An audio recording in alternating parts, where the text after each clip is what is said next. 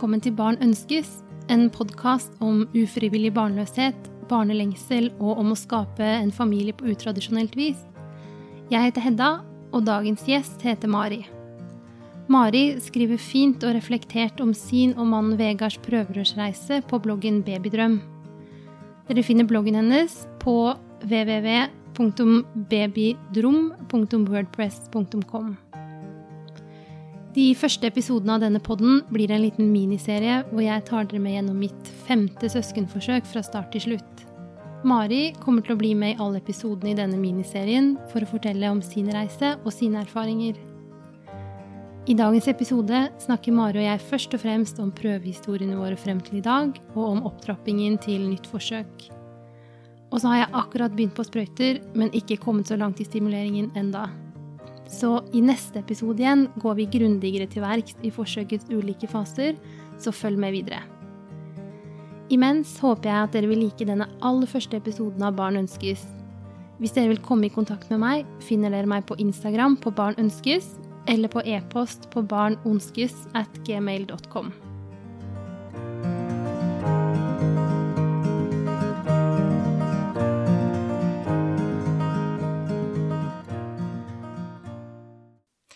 Velkommen til Barn ønskes, Mari. Takk. Eh, vil du begynne med å fortelle litt om hvem du er? Ja. Jeg heter Mari Børseth, er 25 år og er samboer og forlova med Vegard på 29. Jeg er utdanna grunnskolelærer, og for tida så er jeg lærer i en kjempefin eh, første- og andreklasse. Um, og jeg og Vegard har vært eh, prøvere i litt over to år. Mm. Men eh, også mm, skriver du en blogg? Ja. Jeg oppretta en blogg i forkant av eh, vårt første prøverørsforsøk. Og det har vært en eh, form for terapi gjennom det som har vært eh, tøft, og det vi egentlig har stått midt oppi da, de siste to åra. Mm. Og jeg har jo lest bloggen din, og du skriver veldig fint om, om både forsøk og om tanker og mye av det som dukker opp. Så det tror jeg mange setter pris på. Ja, det har jo vært litt av, litt av hensikten er jo å, å forsøke å senke litt terskelen for å prate om, om det her temaet som kanskje er litt sårt og ømt for veldig mange. Da. Og sjøl om det i starten var på en måte en sånn her eh, greie for min egen del, så, så, er jeg veldig stolt over å, å kunne føle at jeg kan skrive så fritt om et tema som for veldig mange andre oppføles, eller føles litt, eh, litt sårt. Og ikke alle som tør å være like åpne om det.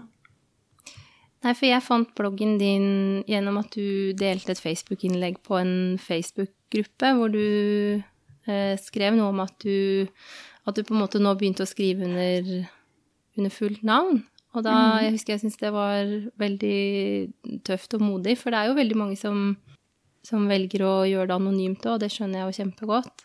Men det er liksom fint å få se litt personen bak òg, syns jeg. Mm. Men hvordan har det vært å håper jeg, gå ut med, med navnet ditt i bloggen? Mm, Det har egentlig vært eh, Det har egentlig gått over all forventning. Jeg har hatt så mange positive tilbakemeldinger. Og kommet i kontakt med veldig mange eh, fine personer som jeg ikke hadde kommet til å gjort om jeg ikke hadde valgt å, å være så åpen som jeg har valgt. Da. Mm. Eh, Og det syns jeg har vært veldig fint. Ja, jeg tenker at vi er veldig heldige som lever i en tid hvor man har blogger og Instagram, og Mm. og hvor på en måte flere deler.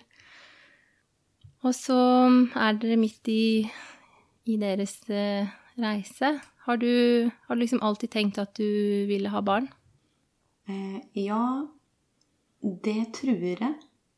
Eh, har liksom alltid hatt den forestillinga om på mange måter den, den gode, gamle kjernefamilien, ikke sant? Og det har jo vært en drøm siden jeg var lita. Eh, å stifte familie og på en måte leve i den bobla der, da. Mm. Det har aldri vært noe alternativ å, å, å ikke, ikke få barn. Nei. Sånn har det vært for meg òg. Det har jo jeg, jeg tror ikke det er liksom noe jeg har vært så bevisst på alltid, men det har jo på en måte alltid vært der som den Jeg vet ikke, det derre liksom Sånn skal voksenlivet bli, på en måte. Så for meg har det nok alltid vært liksom en, en litt sånn selvfølge. Det der med at eh, ja, man skal jo etter hvert finne seg den man har lyst til å dele livet med, og så, og så blir det barn etter hvert, liksom. Mm. Og så, men så bestemte dere dere for å begynne å prøve for to år siden, sa du det? Ja, litt over to år siden.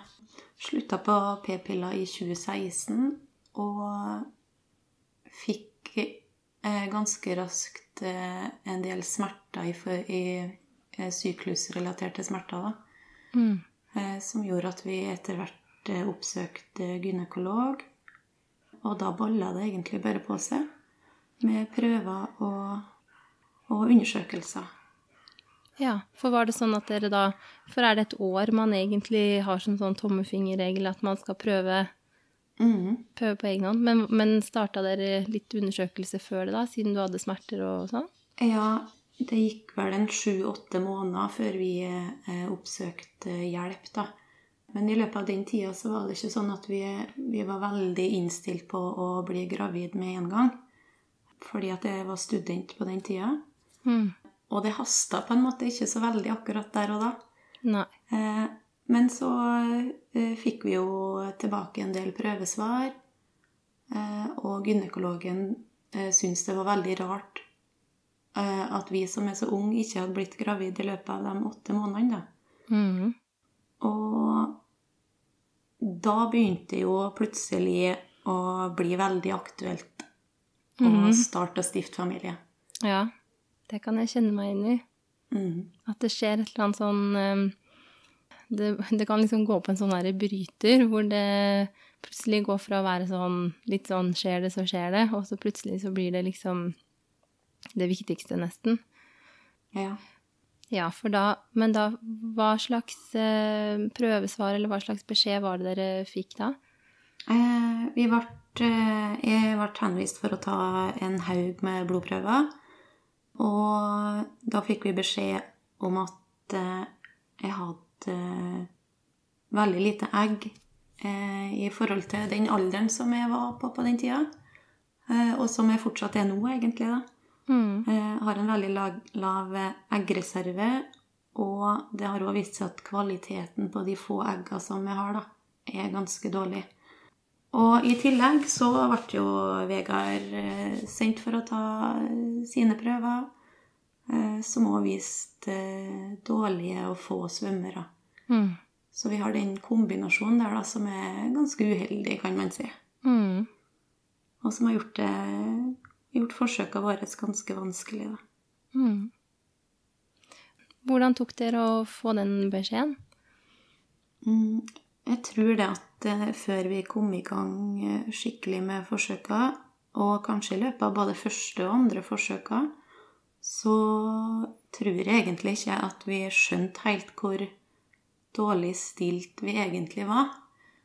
Fordi at vi hadde Vi hadde Vi kjente så gærent på det håpet da, at eh, nå skal det bli så, så snart vi får litt hjelp på veien. Eh, Vi var kanskje litt naive, kan man si. da. Mm. Eh, Men vi visste ikke så mye om det her med prøverør og IVF. Og vi fikk egentlig ganske litt informasjon i forkant av de første forsøkene våre. Mm. Så det var, var en litt spesiell tid. Eh, Og det er først nå i ettertid at jeg har liksom skjønt at vi, var, vi hadde kanskje litt for stor tro på at det skulle gå. Mm. Vi var ikke så realitetsorientert, da. Jeg tror kanskje man kan kjenne seg litt igjen i det at man, selv om man har vært gjennom en utredning og at man har søkt hjelp, så har man jo fortsatt ikke fått så mange svar eller råd, eller Mm. det blir på en måte konstatert noe, og så er det ikke sikkert at man får så godt forklart hva det betyr, eller det er ikke sikkert, tror jeg, at eh, den legen helt vet det heller, for det er jo ikke alltid man kan vite Mm. Det er jo ikke alltid man kan vite før man kanskje har prøvd noen runder med IVF, eller Men jeg tror Jeg har liksom hørt flere som skal starte med forsøk, eller som allerede er i gang, som også som fortsatt på en måte syns at de har fått veldig lite informasjon. At man blir litt sånn kasta uti det, tror jeg, noen ganger. Mm. Og så er det vanskelig det her med å vite hvilke spørsmål man skal stille òg, når, det når det er en prosess som du ikke aner noen ting om. Mm. Eh, hva er viktige spørsmål å stille? Ja, og det er sånne ting som vi har lært på veien eh, framover, da. Som en kanskje gjerne skulle ha visst, i- som en kanskje gjerne skulle ha visst i forkant, Ja. tenker jeg. Ja. Og bare sånne litt banale ting som å skrive ned de spørsmålene man har før man kommer på legetimen eller på kontroll, fordi at man, eh, man glemmer å stille dem også. Hvis man ikke har, eller i hvert fall sånn er det med meg, at hvis jeg ikke har skrevet ned, så glemmer jeg å stille de spørsmålene, og så kommer jeg ut og tenker å nei, da fikk jeg ikke egentlig svar på det jeg lurte på, eller Mm. Ja, sånn har vi hatt det òg. Eh, og vi, vi skriver jo Vi skriver jo rene oppgaver nesten før vi ferdig på legetimene nå. Men det, jeg tror det er viktig. Det er viktig å møte eh, forberedt og ha litt eh, Ha en anelse om hva du ønsker å få svar på. Eh, Og det ser jeg på Facebook-gruppa som omhandler prøverør, at det er veldig mange som spør om akkurat det her. Hva må vi spørre før vi er møte til, til forsamtale eller ultralyd eller mm. eh, og sånne ting, da. Mm. Men da starta dere med forsøk Når starta dere med første da? Eh, Vi hadde første forsøket i september 2017. Ja. Så det tok en fem måneder fra vi var på utredning da, til vi fikk, eh, fikk time til oppstart. Ja. Og da var dere, da, for da var dere på St. Olav i Trondheim? Ja. St. Olavs, ja. Hvordan var det første forsøket? Eh, Det første forsøket vårt var jo eh, en såkalt kort protokoll. Sånn at når vi først hadde starta opp, så gikk alt veldig fort. Og en rakk på en måte ikke å tenke så mye over hva som foregikk akkurat der og da, for det var jo over på en to til tre uker. Eh, og vi hadde en veldig lav hormondose, da. Eh, sånn at for min del så merka jeg ikke så mye til akkurat det her hormonelle aspektet ved, som prøverørsbehandling kan medføre. Da. Mm. Men det resulterte jo i veldig få egg. da Vi fikk henta ut bare tre egg den første gangen. Mm. Eh, Sånn at det var jo litt sånn nedtur. Eh, Når man i tillegg ikke hadde eh, forstått helt realiteten midt oppi det her, da. Og så er det sånn, jeg husker han gynekologen som henviste oss til IVF, han, han sammenligna med den der leken man eh, leker når man er liten og man plukker opp en haug med gråstein, og så sier man så mange hadde jeg, så mange ga jeg bort, så mange fikk jeg igjen. For det er jo sånn, først så skal man ha stimulere fram eggene og, og hente ut et eller annet antall, og så skal jo de forhåpentligvis befruktes, men da kan de jo falle fra noen, og så skal de liksom overleve med god nok kvalitet frem til, til innsett. Så det er jo litt sånn eh, Det er liksom intense dager, de der eh, dagene mellom uttak og, og innsett, for man har jo ikke noen garantier selv om man har fått ut et eller annet antall. Nei, det har du helt rett i. Og- Og der ble det, i og med at vi var såpass dårlig forberedt, eh, så, så ble det mange slag i trynet i løpet av de tre ukene. Når vi først fikk henta ut eh, forholdsvis få egg, i tillegg ble ikke alle befrukta, og, og, og det datt ifra i løpet av eh, prosessen. Og når man har bare tre egg, da, så, så skal det godt gjøres å sitte igjen med noen til slutt. Heldigvis så ble det en eh, som overlevde helt til dag fem, faktisk. Mm. Eh, som var perfekt. Eh, men, men det ble jo ikke noe av den likevel, da. Nei. Hvordan, eh, hvordan var det når dere hadde liksom hatt forhåpninger og tenkt at nå, nå blir det, og så ble det ikke? Det er jo en enorm skuffelse på mange måter. Følelsesmessig og eh, en prøvelse i, i parforholdet òg, tenker jeg. At det er en ting som vi må komme oss gjennom sammen. som vi aldri har Vi har aldri vært borti en sånn type utfordring, da. Mm. Og det har nok gjort oss til et sterkere par, men samtidig så var det veldig vanskelig på den tida. For du, du føler følelser som du aldri har kjent på tidligere. Og så tenker en veldig mye sånn tanker, kanskje unødvendige tanker. Litt sånn negative tanker om seg sjøl og om, om parforholdet etter hvert. da. Om det her er noe som kommer til å overleve. En føler kanskje litt skyldfølelse etter hvert. Mm. Sånn at det, det er et sammensurium av eh, tanker da, som hele tida står og svirrer. Og det syns jeg var veldig slitsomt eh, i etterkant av de her forsøka som vi ikke lykkes på. da. Ja, det er det. Og også, i hvert fall min erfaring med meg og Ola, så mm, vi er ofte sånn litt ute av eh, synk med tanker og følelser. Vi håndterer jo ting forskjellig. Eh, og noen ganger så kan jeg kjenne at liksom Jeg syns på en måte ikke han reagerer riktig, eller sånn som jeg gjør, eller Jeg vet ikke. Det er veldig vanskelig der med både underveis, men også det der Det med å liksom på en måte sammen skulle mobilisere for å gå videre, da. Mm, kjenner meg veldig igjen i det. Eh, I forhold til at vi, vi jentene som står midt oppi det her, reagerer nok på vår egen måte, og vi er, vi er hormonelle, og, og vi takler nok motstand på forskjellige måter. Ikke bare fordi at vi er kanskje ulikt kjønn, men at, eh, at vi er ulike som individer. Mm. Eh, Sånn at den, den tanken der kjenner jeg meg veldig godt igjen i. Eh, Og det gjør jo ikke ting noe bedre når en begynner å tenke, eh, tenke om, eh, om eh, partneren ikke vil det her like mye som en sjøl, f.eks. Mm. Men eh, det er jo da det er viktig at en greier å prate om det. Ja, det tror jeg òg. Prøve å holde, holde liksom litt sånn åpen linje. Mm. Fortelle hva man tenker på, gruble på. Prøve å spørre. Jeg har jo en mann som ikke Han deler på en måte ikke så mye uoppfordra, da, for å si det sånn, så jeg må ofte jeg må liksom ofte spørre noen ganger, på en måte. Hva tenker du egentlig om det her? Hvordan, kjen, hvordan føles dette for deg nå? Mm. Ja, sånn er det. Litt sånn er det nok her i huset òg. Men så etter det første forsøket, da, så har dere jo hatt noen, noen flere runder. Ja, vi hadde jo to runder til på St. Olavs. Som, vi, som egentlig var ganske lik det første forsøket. Eh, Vi justerte litt eh, medisiner, eh, men fikk ikke sånn kjempemye bedre resultat, egentlig. Vi satt jo fortsatt igjen uten positiv test etter de to forsøkene. Og da sto vi litt sånn rådvill og visste ikke helt hva gjør vi nå. Nei. Og da kom det igjen nye bekymringer i forhold til økonomi. Og litt sånne ting som vi måtte vurdere og spekulere litt på. Ja.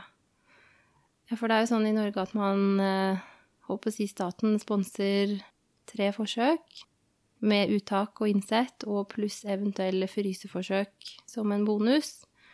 Og så etter at de tre er brukt opp, så er du on your own. Ja. Og da er det privat som er alternativet, da. Mm. Og vi har jo eh, På de tre forsøkene på St. Olavs så fikk vi ett egg til innsett på hvert forsøk, og ingen på frys. Sånn at eh, de tre forsøkene brukte jo vi opp eh, ganske raskt, egentlig. Ja. Eh, Vi hadde første i september, som sagt, og så var neste i november, og så det siste i februar året etter, da. Sånn at på det halvåret der så var det unnagjort. Og da sto vi litt eh, på bar bakke igjen og tenkte at vi måtte ha en liten pause. Så vi tok eh, rett og slett sommerferie og dyrka parforholdet litt, for å si det mildt. da. Mm. Eh, bestemte oss for å prøve å la tankene om, om prøverør og det her ligge litt. Eh, Sjøl om det er enklere sagt enn gjort, naturligvis. Eh, Så tok vi ferie og hadde en fantastisk sommer der vi bare prøvde å kose oss så mye vi greide. Og mot slutten av sommeren da så, så var vi på konsultasjon både hos Medicus i Trondheim og hos Spiren fertilitetsklinikk i Trondheim. Og da landa vi til slutt på eh, sistnevnte, på Spiren.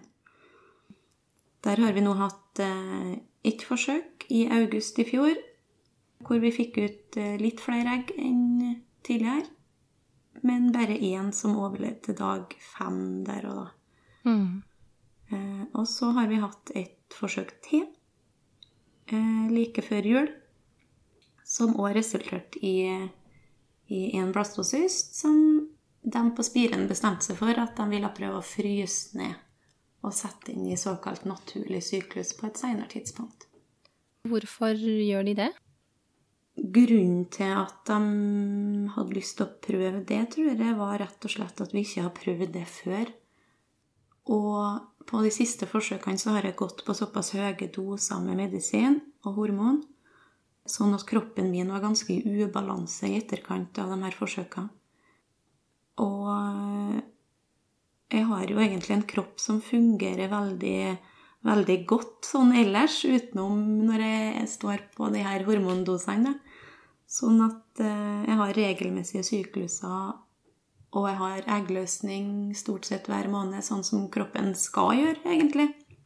Eh, og da, da ønska jeg meg å prøve å sette inn, eh, og at den prosessen skulle skje så naturlig som det går an, da. Og det er veldig spent. Vi er ganske spent på å prøve noe nytt nå, og det føler jeg at vi, vi trenger å prøve noe annet for at vi skal kunne ha trua på at det skal gå. Ja. Og det, det kjenner jeg meg så igjen i. Bare det, det å, å, bare prøve noe annet. For det er jo det derre Det heter seg vel sånn å si galskap er å prøve det samme igjen og igjen og tro at man skal få et nytt resultat. Mm. Er så mange, det er så mange variabler som man ikke kontrollerer i dette, men det å I hvert fall for meg, da. Det å prøve noe nytt gir liksom en, en følelse av at man kanskje prøver å kontrollere noen flere variabler, da. Eller at man i hvert fall prøver å eksperimentere på en eller annen måte, eller Jeg tror det som er skikkelig tøft for meg med prøverørsbehandling, er den derre Altså, jeg er jo en skikkelig sånn kontrollfrik, egentlig. Eh, og klassisk prosjektleder som liker å mm, styre og ordne. Og dette er liksom en prosess hvor jeg virkelig ikke får gjort mye fra eller til. Og legene kan gjøre sitt, men til syvende og sist så er det naturen som bestemmer. Og det syns jeg er skikkelig vanskelig å forholde meg til. Ja, sånn, sånn tenker jeg egentlig jeg ganske mye. Og det, det har vært litt vanskelig å, å, skulle takle det å ikke ha noe kontroll. Mm. At, eh, og alt rundt oss er så usikkert hele tida. Ehm, sånn at eh, vi kan ikke planlegge hva vi skal i sommer, for det kan hende at det blir et nytt forsøk. Sånn at å, leve i den usikkerheten og, og ha hele tida ha den mangel på kontroll, da, som du så gjerne skulle ha hatt, ikke sant? Mm. Det kan være tøft når det går over såpass lang tid. Ja, og, og som du sier, man setter liksom livet på vent på en måte på så mange måter, både med vi også kjøpte Eller vi kjøpte ikke noen julegave til hverandre i år, for vi sa nei, vi skal eh, vi, kjøp, vi, tar oss heller en kjærestetur i løpet av våren. Men vi har jo ikke bestilt noen tur. Fordi vi vet liksom Vi visste liksom ikke når Når skal vi i gang igjen, og når kommer det, og så skulle jeg ha eh, et lite sånn inngrep i forkant, og visste ikke når det ble, og Og sånn er det hele tiden. Og litt det samme med jobb også for meg, så jeg merker liksom jeg takker nei til muligheter og og setter på en måte på bremsen litt sjøl, da, fordi at jeg ikke Jeg vet ikke helt hvor jeg kommer til å være om to måneder, på en måte. Mm. Så, men da har dere hatt, holdt det gående med forsøk i halvannet år cirka. Hva har, det, hva har det gjort med deg? Det har jo påvirka meg på veldig mange måter, tenker jeg. Ja, det påvirker meg egentlig i alt det gjør, til enhver tid. Mm det, har, det er litt rart, akkurat det her, men det, det har gjort meg både mer trygg på meg sjøl og samtidig veldig mye mer usikker på meg sjøl. Alt ettersom hvilken kontekst det er i. Mm. Jeg har jo slitt litt eh, eh, med sjølfølelse og det som går på sjøltillit. Og egentlig alt som kan, man kan feiles med. da Mm. Eh, og det har jeg jo skrevet litt om på bloggen òg, at, eh, at det har vært vanskelig å takle motgang, da. Ikke bare som har med prøverørsforsøk å gjøre, men, men det kan være å bake ei kake som ikke blir vellykka.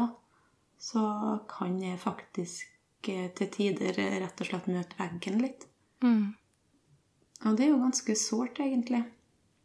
Den her usikkerheten som en Som i hvert fall jeg har aldri kjent på den tidligere. Nei.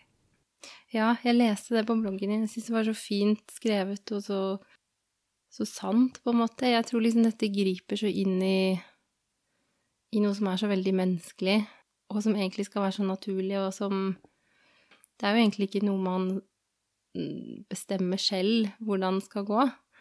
Men når det ikke går, så Så det går litt sånn på selv, selvfølelsen løs. Mm.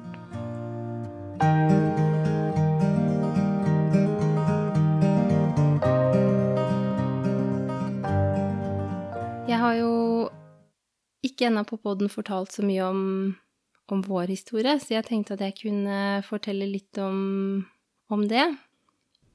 Ja, for du har jo hatt eh, ei litt annerledes reise enn enn hva vi har hatt. Ja. For oss så Ola og jeg, vi ble sammen i, i 2011, på sommeren, og den høsten rett før eksamen før jul um, i 2011 så fikk jeg vite at jeg hadde livmorhalskreft.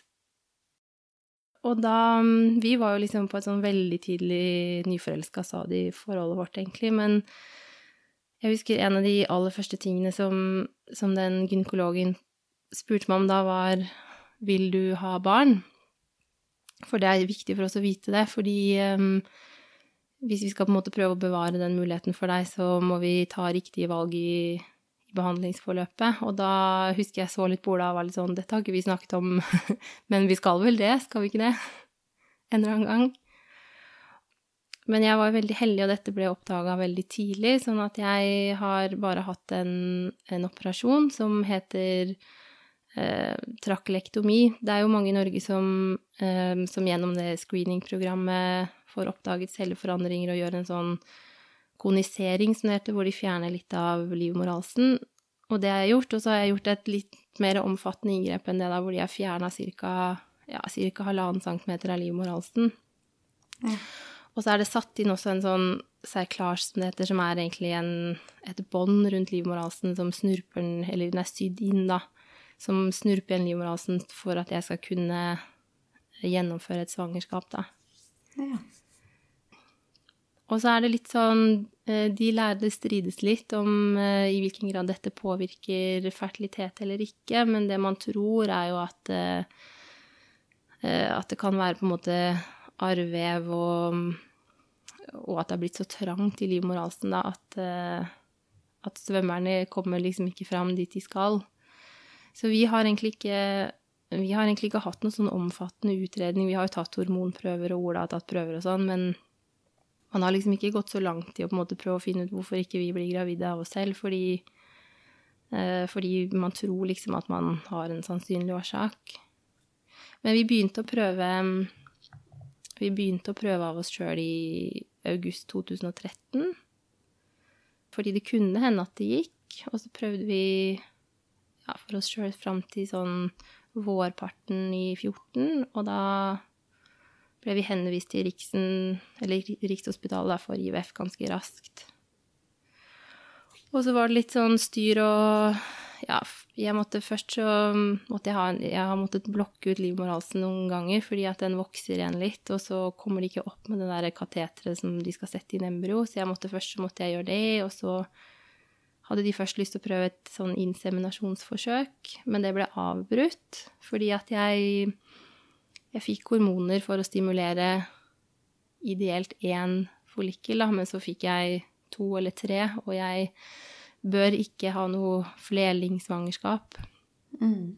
Så det ble avbrutt. Og så ja, så var det litt frem og tilbake. Men så i mai 2015 da, så fikk vi liksom endelig komme i gang med IVF. Og da Vi lykkes jo faktisk på første forsøk. Ja. Og fikk en datter da, som heter Nikoline, i februar i 16. Um, sånn at min reise som ufrivillig barnløs frem til vi fikk Nikoline, det var Det var veldig tøft, men jeg føler på en måte at jeg Da, da visste ikke jeg hvordan det var å gå gjennom forsøk på forsøk uten å lykkes, og vi, vi innså nok ikke da helt hvor heldige vi var, tror jeg. Nei, det det, det tenkte jeg skulle spørre deg om, om hvordan det føltes å lykkes på første forsøk. Om, om dere var klar over jeg, jeg aner ikke hvordan sjansene er for å lykkes eller ikke.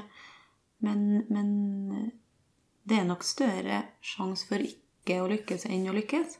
Mm. Jeg tror det der med, med sjanse for å lykkes, det Jeg vet ikke så mye om det, og det, det kommer veldig an på veldig mange faktorer, men jeg tror Rikshospitalet har sånn, sånn tommefingerregel over hele fjøla. Hvis du ikke tar hensyn til alder eller noen ting, så tror jeg de sier sånn 40% sjanse for å lykkes på ferskforsøk, og 20 bare på frys, da. Så ja, så det er jo egentlig Det er jo egentlig større sjanse for at det ikke går, enn at det går på ett på et innsett. Men vi Vi var så utrolig glade for å ha muligheten, på en måte, for at eh, for at jeg hadde en livmor, og at eh, vi kunne ha den behandlingen. Og så når det da lykkes, på en måte, så var vi liksom Jeg vet ikke helt hvor mye egentlig vi reflekterte over hvor heldige vi var da. For meg så handla det nok mer om at jeg, jeg visste jo at jeg gikk et risikosvangerskap i møte da, pga. en operasjonen jeg har hatt. Så jeg visste at det ville være en større risiko for å miste barnet i andre trimester eller, eller prematur fødsel. Altså jeg var veldig sånn Jeg var veldig sånn avventende til hele greia, på en måte. Så jeg husker jeg sendte Fordi vi hadde Foreldrene mine visste at vi skulle ha forsøk, så jeg husker jeg sendte melding til mamma. For vi var på ferie når vi testa, så skrev jeg sånn Har testa positivt, er avventende, ingen, ingen jubeltakk, liksom. Ja. Så dere kjente fortsatt på den usikkerheten ganske lenge etterpå, da? Ja, gjorde egentlig det. Mm. Men så gikk det jo veldig bra, da. Ja. Men for meg så har det nok vært kanskje søskenforsøk faktisk som har vært um, tøffere.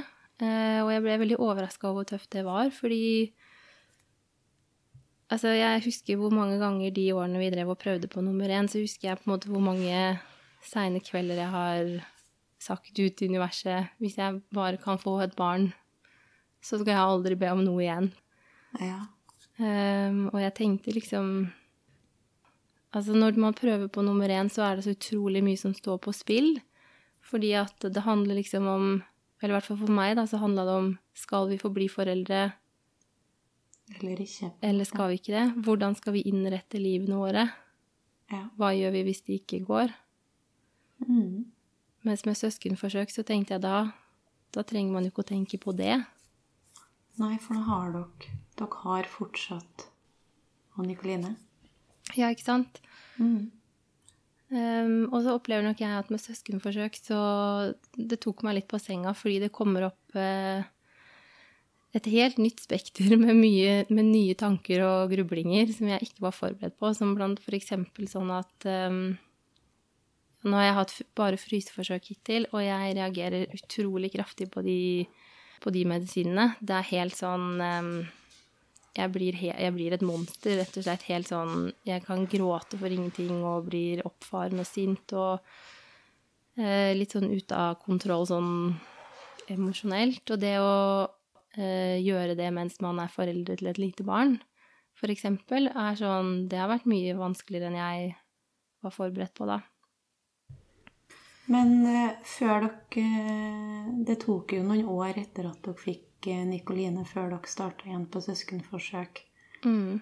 I den perioden der, da, kjente dere mye på forventninger fra andre om å, om å få et søsken, eller, eller har dere ikke Har det ikke vært så mye press utad?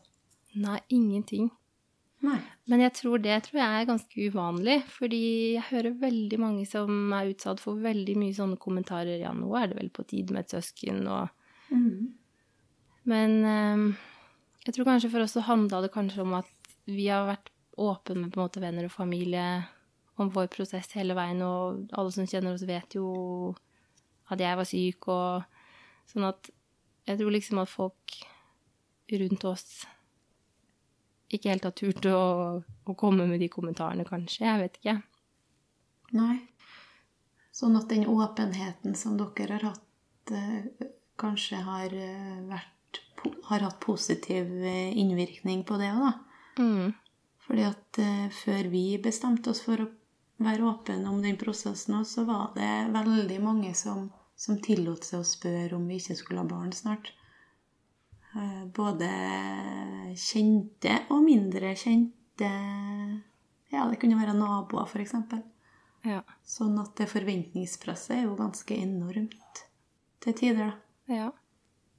Men, eh, men at eh, åpenhet rundt, rundt fertilitetsproblemer og, og slik kan gjøre den biten litt lettere, tror jeg. Ja, det tror jeg òg. Og det i det er i hvert fall min erfaring, for da Allerede før vi begynte å prøve å få barn, så det er jo litt spesielt siden vi allerede visste det før vi i det hele tatt begynte å prøve, da, men siden alle rundt har visst at dette kunne bli vanskelig for oss, så Og det er jo folk som har spurt, men da har man kanskje spurt på en litt sånn taktfull måte, da, at man Jeg syns det er forskjell på at man sitter i midt i et middagsselskap og liksom roper over bordet ja, skal det ikke bli noe hos dere snart, da? Og at man Hvis en venninne spør ja, har dere, har dere tenkt på å sette i gang, eller liksom det, For meg i hvert fall så er det litt forskjell på hvordan man spør òg, og hvem som spør òg. Ja, helt klart. Helt klart. Men vi hadde nok um, Vi gjorde nok en for dårlig jobb med hva skal jeg si, forventningstilpassing før vi begynte med, med søskenforsøk. Vi prøvde å være bevisst på det, men da vi hadde det ferskforsøket som ble Nikoline, så fikk vi ja, vi fikk jo 13 egg, og så tror jeg det var ni som ble befrukta, og så var det liksom seks som var bra, så vi hadde jo fem Vi ble gravid på det ene, og så hadde vi fem igjen i fryseren. Ja. Så det var veldig nærliggende for oss å tenke at uh, det søskenet ligger der og bare venter. Ja. Og så prøvde vi liksom å snakke mye om at det er ikke noe selvfølge at dette går med en gang og sånn, men eh, vi hadde nok veldig høye forventninger når vi da starta i april i fjor, om at dette skulle gå Vi hadde nok ikke trodd det skulle gå på første, men at det skulle gå ganske sånn kjapt og greit.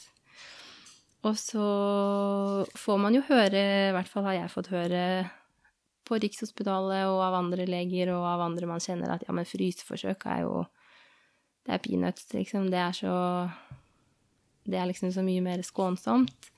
Eh, Så for meg så var det ganske sånn eh, sjokk hvor eh, Nå har jeg hatt tre forsøk i styrt syklus, hvor man altså går på østrogen, og så etter hvert på progesteron i tillegg. Og, så, og det var et Altså, det var et et sant helvete, for å si det rett ut. Det har liksom vært kjempe Jeg ble helt sånn slått ned i bakken av hvor, hvor mye jeg reagerte på det. Og heldigvis så tror jeg ikke det er normalen, da. Eh, For å berolige de der ute som skal i gang med det, så tror jeg at veldig mange tåler det veldig bra. Men jeg gjorde jo ikke det, så på det siste forsøket som vi hadde før jul nå, så sa jeg jeg kan, jeg kan ikke utsette meg sjøl og mannen min og barnet mitt for en runde til med Proginova, den medisinen nå, da. Så da fikk vi forsøk i naturlig syklus, og det var jo en drøm i forhold for oss. Men vi lykkes jo ikke, da. Ja. Så, så fire Så nå har vi satt inn fire embryoer. Og vi har jo ikke sett så mye som en liten strek. Nei. Og så har vi ett igjen i fryseren, men det har vært um, tint og fryst igjen en gang, fordi, eh, fordi at jeg har så mye arrvev i, i livmorhalsen, så har innsettene, som egentlig skal være en sånn helt ukomplisert og smertefri greie, har vært eh, ganske vanskelig for meg. Og også vanskelig for Rikshospitalet. Første, det første innsettet vi hadde i april, så tok det én time og tre forskjellige leger og alle instrumentene de hadde på hele huset, før de klarte å få inn det kateteret.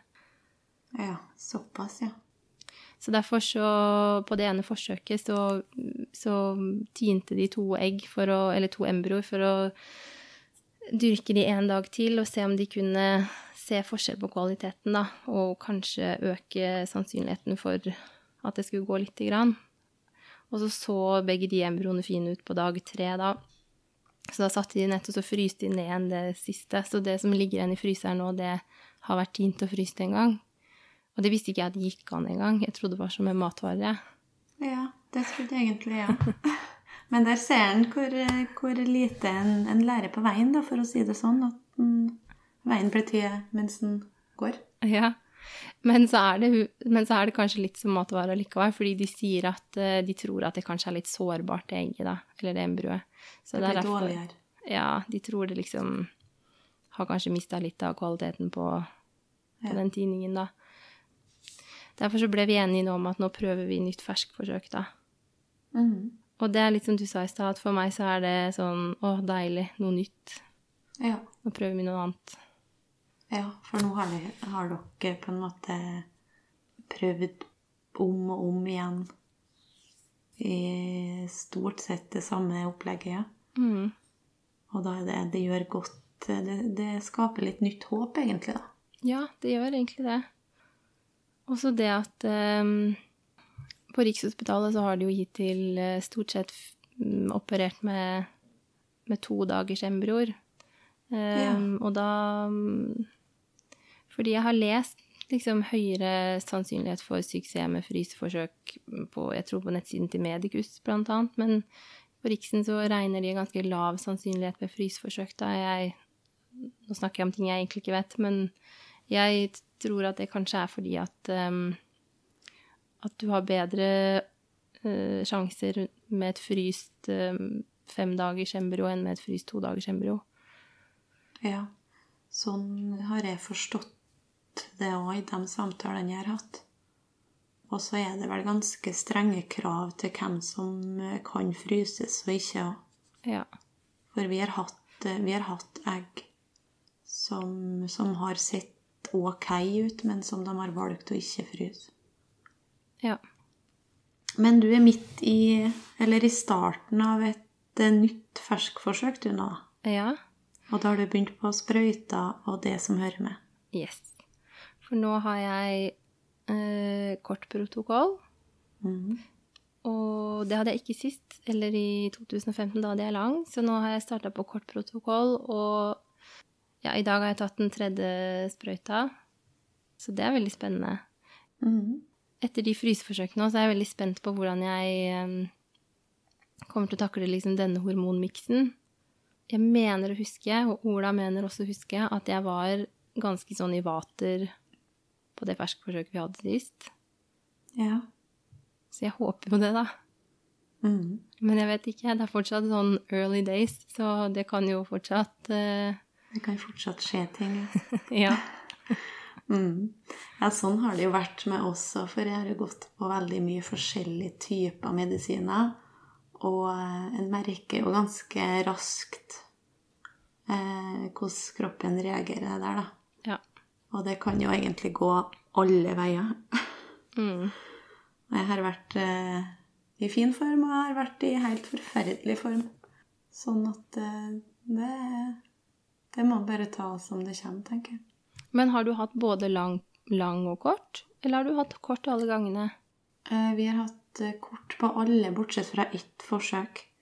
Eh, vi prøvde et forsøk på St. Olavs med lang protokoll, men det, det ga liksom ingenting mer ut av. Sånn at ja, resultatet ble egentlig likt da, som ved kort protokoll, og da, da var det liksom ikke noe alternativ å prøve det flere ganger. Nei. Det er, jo, det er jo veldig enkelt og greit med kort protokoll, syns jo jeg, da. Ehm, du slipper den her ventetida i forkant med nesespray og, og hodepine, som mange kanskje får. Ja, for Merka du stor forskjell på kort og lang? Ja, det var ganske dårlig form på lang protokoll. Men ikke sånn eh, Det var, det var mer sånn at den gikk og hadde og var litt plaga over veldig lang tid, da. Eh, for det var jo flere uker mens, eh, på de korte protokollene som jeg har vært litt sånn dårlig på, så har det jo vært, det har jo vært styggklein i ei uke. Eh, mens det, det dryger da når det går over såpass lang tid, da. Og i, i mitt tilfelle så har det vært sånn at det har vært dårlig, og så når forsøket har vært over, så kommer jeg meg ganske raskt i form igjen. Mm. Så det er tydelig at det er hormonene her da som eh, spiller inn. Ja, det er helt rart, altså. Det har vært med disse frysforsøkene nå, det har vært som å skru av og på en bryter. Det er liksom to-tre dager etter at jeg starta, så er det liksom helt natta mørkt. Og så to-tre dager etter at jeg har slutta, så er det greit igjen. Ja. Man blir litt seg sjøl igjen, på en måte. Ja. Eh, Det har jeg hele tida sagt til Vegard og at eh, når det har stått på som verst, så er jeg, jeg er ikke meg sjøl i det hele tatt. Eh, Og jeg kjenner det hele tida at eh, jeg er en sånn person som jeg ikke ønsker å være, for jeg blir sånn Jeg blir veldig sånn mutt og sur, og tårene sitter jo ganske løst, egentlig, da. Mm. Så det er jo veldig tydelig at det er hormoner inne i bildet, og, og det er ting som en ikke kan styre. Du kan ikke kontrollere hvordan en reagerer på ting, og, og du blir litt eh, Du blir en annen utgave av deg sjøl, da. Men syns Vegard at uh, Syns han at det er lett å forstå det? At det liksom ikke er Dette er ikke Mari. Eh, Jeg tror han har eh, Han har nok lært seg å forstå det, ja. Ja. Um, og jeg, jeg har stor respekt for, eh, for han som står på sidelinja. Og jeg tror absolutt at det ikke nødvendigvis er noe enklere eh, enn å stå midt oppi det.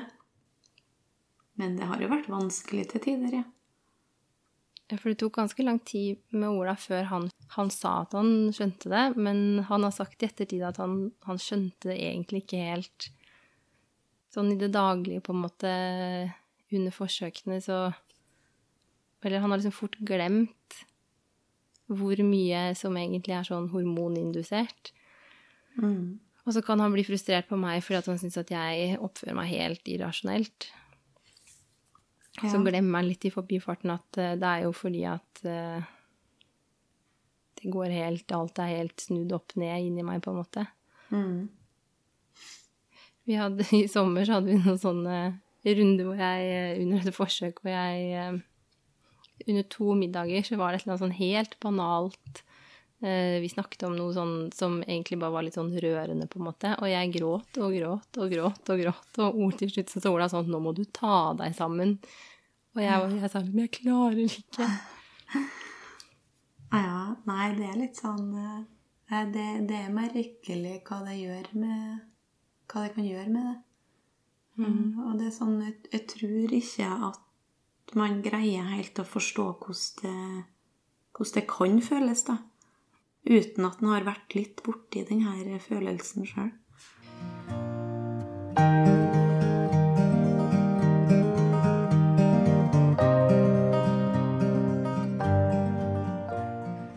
Ja, nei, så jeg har prøvd å tenke gjennom disse dagene om jeg har begynt å kjenne noen bivirkninger, da, og jeg Det eneste jeg har merka, er at jeg liksom noen Alle de, eller de to foregående kveldene, så har jeg tatt sprøyta sånn i sjutiden, og så sånn rundt leggetid så får jeg litt sånn hete tokter, på en måte.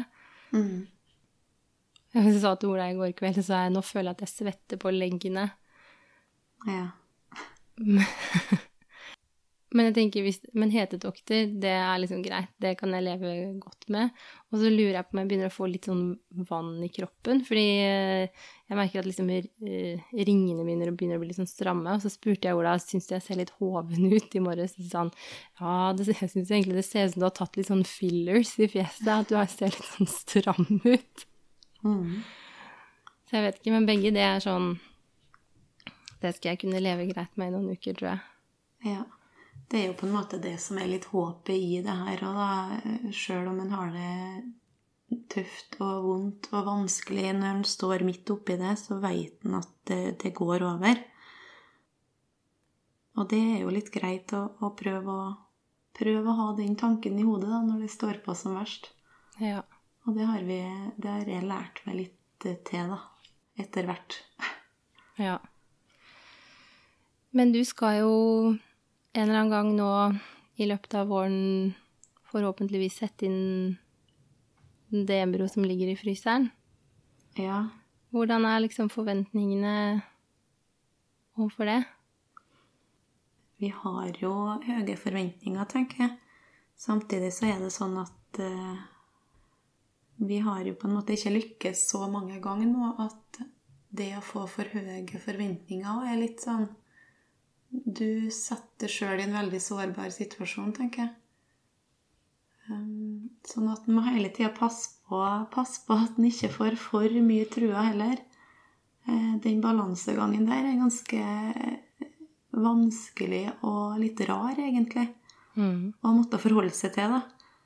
Eh, For vi, hvis vi ikke hadde hatt trua, så hadde vi jo ikke fortsatt med det her.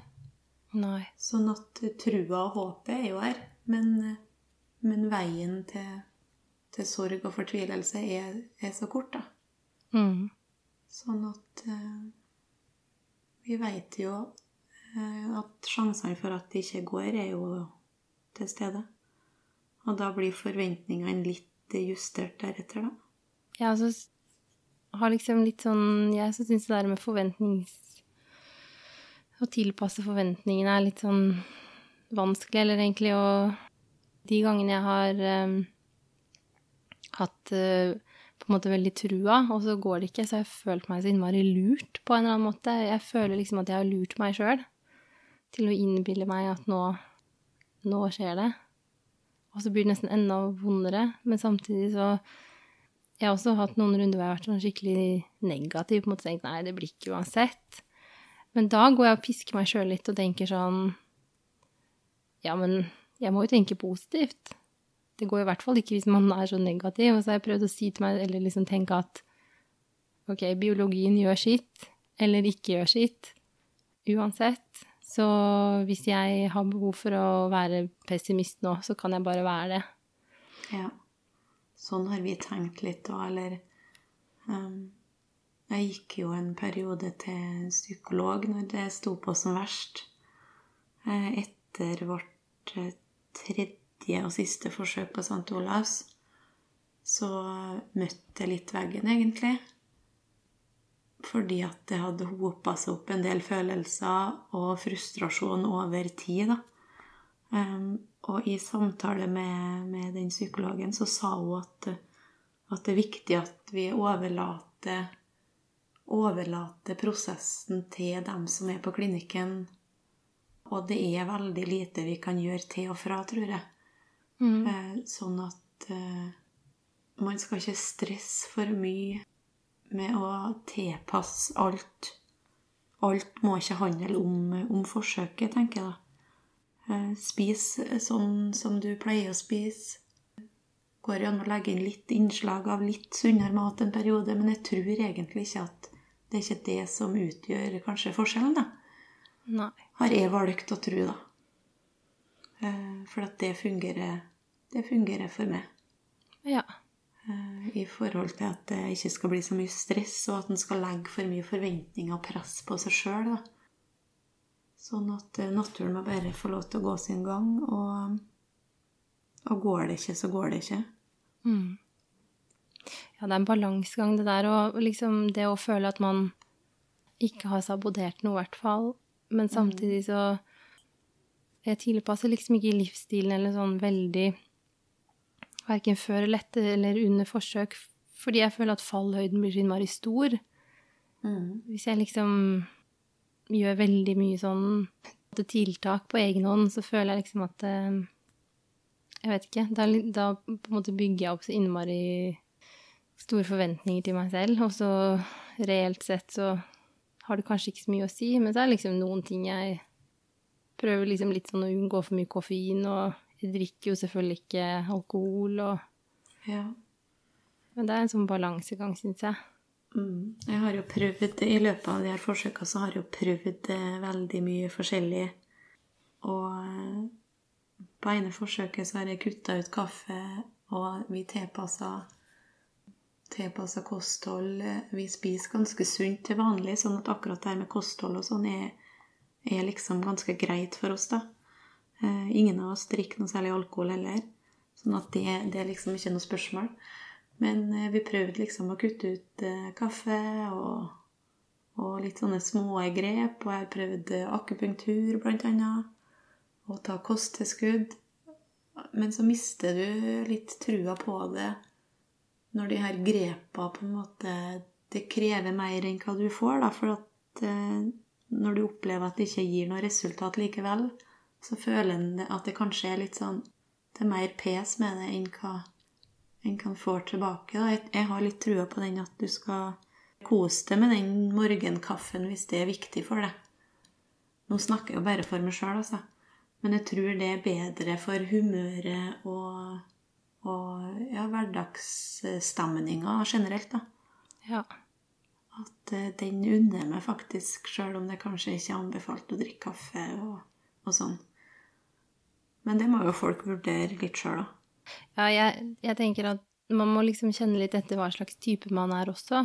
Mm. Hvis man er sånn at man liksom vet at hvis man hadde tatt den kaffekoppen, så blir man bare mer redd og stressa for å ha ødelagt noe, så skal man kanskje ikke gjøre det. Men hvis man egentlig Hvis det er det som gjør det litt lettere å holde ut gjennom alt sammen, ja, da skal man gjøre det, da. Ja. Eh, sånne store omveltninger at man skal legge om matvaner, og man skal trene plutselig mye mer enn hva man kanskje er vant til, så tror jeg at det kan kanskje være med å skiple litt. Det skjer jo noe med kroppen som kroppen kanskje ikke er vant til fra tidligere. da. Og det er ikke sikkert at det nødvendigvis er til det bedre heller, da. Sånn at man skal være litt forsiktig med å, å hive seg på alle de trendene, tror jeg. Man skal ikke gjøre alt som man leser. Stol litt, på, eller stol litt mer på seg sjøl. Mm. Det er kanskje mitt råd, da. Sånn at på det, i forkant av det forsøket som vi skal igjennom en gang nå, så, så kommer jeg til å leve helt som, som vanlig og ja, lytte til de rådene som klinikken gir. Ja. Vi også er sånn Vi, vi lever sånn normalt sunt, spiser et balansert kosthold drikker lite, trimmer det er, sikkert, det er, jo rom for forbedringer, helt klart, men det er liksom ikke noe Eller noe som må endres radikalt. Så for meg så har liksom alltid forberedelse til forsøk vært mer sånn mentalt. Det å prøve å liksom mobilisere litt eh, styrken til å gå på igjen. Ja, absolutt. Og jeg tror, eh, jeg tror det er langt viktigere, egentlig, eh, enn veldig mye annet. At tankene er på rett plass. At man prater sammen med noen. Prat med en venn. Fikk jo råd fra psykologen min at du, du må si det til én god venn. Uh, ikke gå og kjenne på alle tanker og følelser alene, eller, eller Jeg har jo naturligvis en Vegard, men det er enkelte ting så, så er det godt å prate med noen andre enn enn den man står midt oppi det med òg. Og så kan heller jeg og Vegard fokusere på, på andre ting. Mm. Sånn at ikke alt handler om den her ene store rosa elefanten i rommet, liksom. Mm. Det tror jeg er viktig. Og det har vi hatt litt fokus på i forkant av forsøket. At vi, vi prater om det som er nødvendig, og så, og så har vi eh, våre eh, venner som vi deler det vi har behov for å dele med. Mm. Bra. Mari, nå har vi snakka sammen i over en time. Ja, det går fort. og du skal jo være med i noen episoder til, som jeg er mm. veldig glad for. Så jeg tenker at vi kan runde av her for i dag. Og så tror jeg vi har masse å snakke om neste gang også. Mm. Så tusen takk for i dag. Takk. Ja. ha det. Ha det.